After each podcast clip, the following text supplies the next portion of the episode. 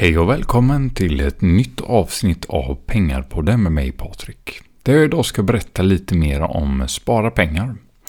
Vi kör igång avsnittet på en gång men först introt.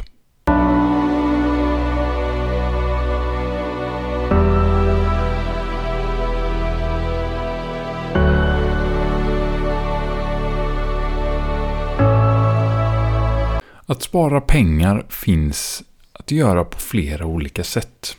Men de grundläggande stegen är att antingen får du dra in mer pengar varje månad eller så får du dra ner kostnaderna mer för att kunna spara mer pengar. Så har du en relativt hög lön och du inte kan spara några pengar varje månad, då kanske det är kostnadssidan du framförallt ska titta närmare på.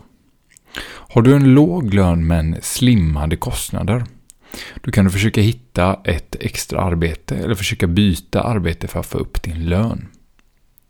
Och det kommer vara en hel del av er som tänker, han där Patrik han förstår ju ingenting, jag har ingen möjlighet att spara några pengar.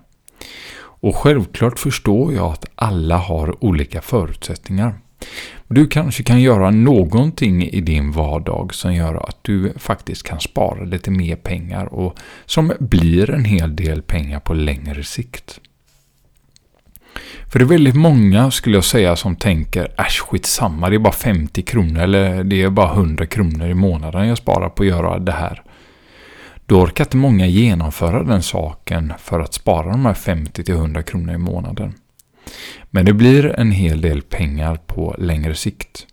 Tänk själv om du har 4-5 olika saker du kan göra i din vardag för att spara lite pengar.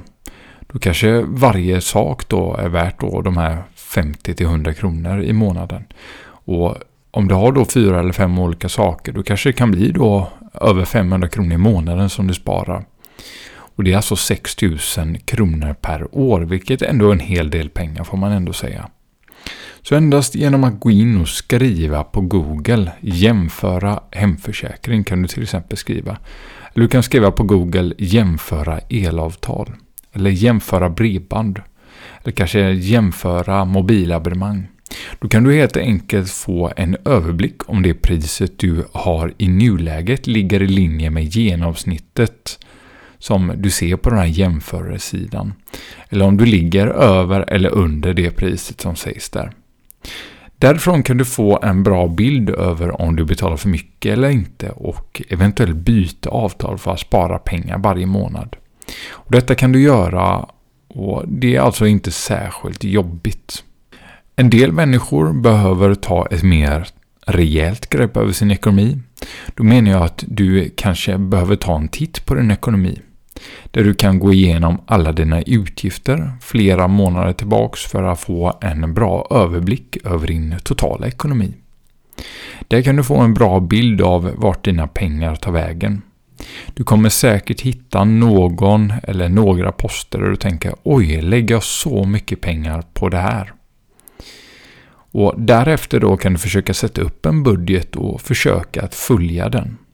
Då kan du försöka göra saker i din vardag som gör att du eh, fattar bättre ekonomiska beslut. Men det är också viktigt för att motivera dig själv att sätta upp ett mål och hitta ditt varför. Du vill alltså hitta ditt varför för att kunna förstå och intala dig själv varför du faktiskt ska genomföra dessa steg och göra aktiva val i din vardag för att faktiskt kunna spara mer pengar och uppnå ditt mål eller dina drömmar. Och ditt långsiktiga mål kanske är att resa mer, ha en större ekonomisk trygghet eller kanske nå ekonomisk frihet. Då gäller det faktiskt att du hittar ditt varför som gör att du kan påminna eh, dig själv eh, varför du faktiskt gör detta. För att du vill uppnå ditt mål eller dina drömmar då och det är därför du måste hitta ditt varför.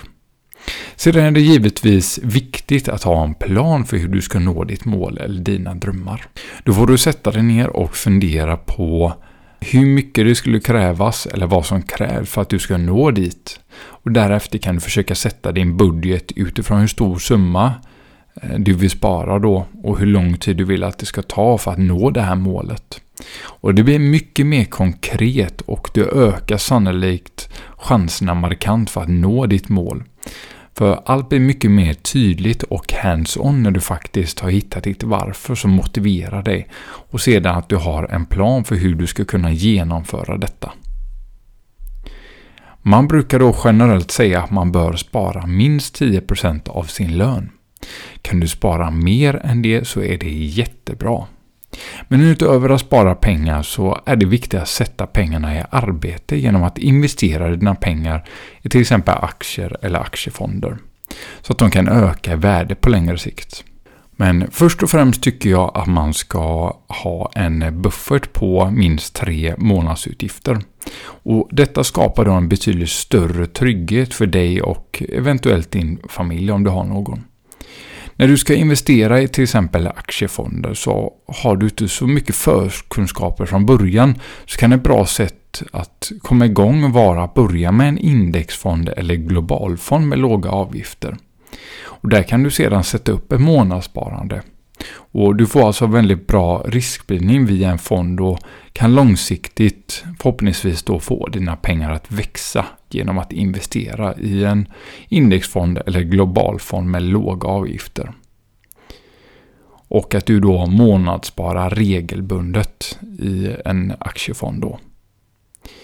Så sammanfattningsvis då, saker du kan spara pengar på är att laga matlådor istället för att äta lunch ute varje dag.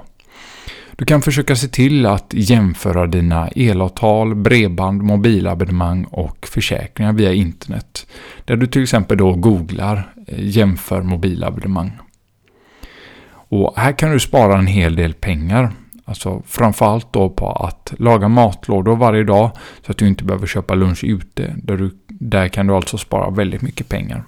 Och har du bolån kan du försöka förhandla med banken eller ringa och höra det för med andra banker. Och försöka få ner din boränta. Och det kan ibland vara väldigt lönsamt att ställa bankerna mot varandra.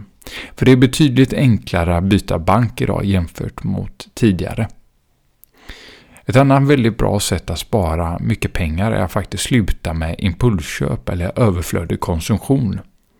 Fundera en gång extra innan du handlar en pryl eller sak om du verkligen behöver denna. Och sist men inte minst, se till att sätta av pengar till sparande det första du gör när du får din lön eller din inkomst. Då anpassar man sig ut efter de pengarna man har kvar på kontot. Självklart får det ju då vara inom rimlighetens gränser att du kan klara dig på de pengarna som är kvar på ditt konto. För överför du dina pengar i slutet av månaden så kommer du säkerligen eh, komma på dessa tankar och tänka oj, jag har en del pengar kvar på kontot. Jag kanske ska köpa den här saken eller prylen då istället. Då är det bättre att du istället ser till att föra över ditt sparande direkt när du har fått din lön. Det är mycket bättre. Nu har du då fått massor av tips på hur du kan spara massor av pengar. Och att du sedan kan investera dessa pengar på längre sikt i till exempel aktier eller aktiefonder. Jag hoppas du tyckte avsnittet var intressant. Du får gärna höra av dig till mig på min mailadress kontakt.pengarpodden.se eller pengarpodden på Instagram om du vill ställa en fråga eller liknande.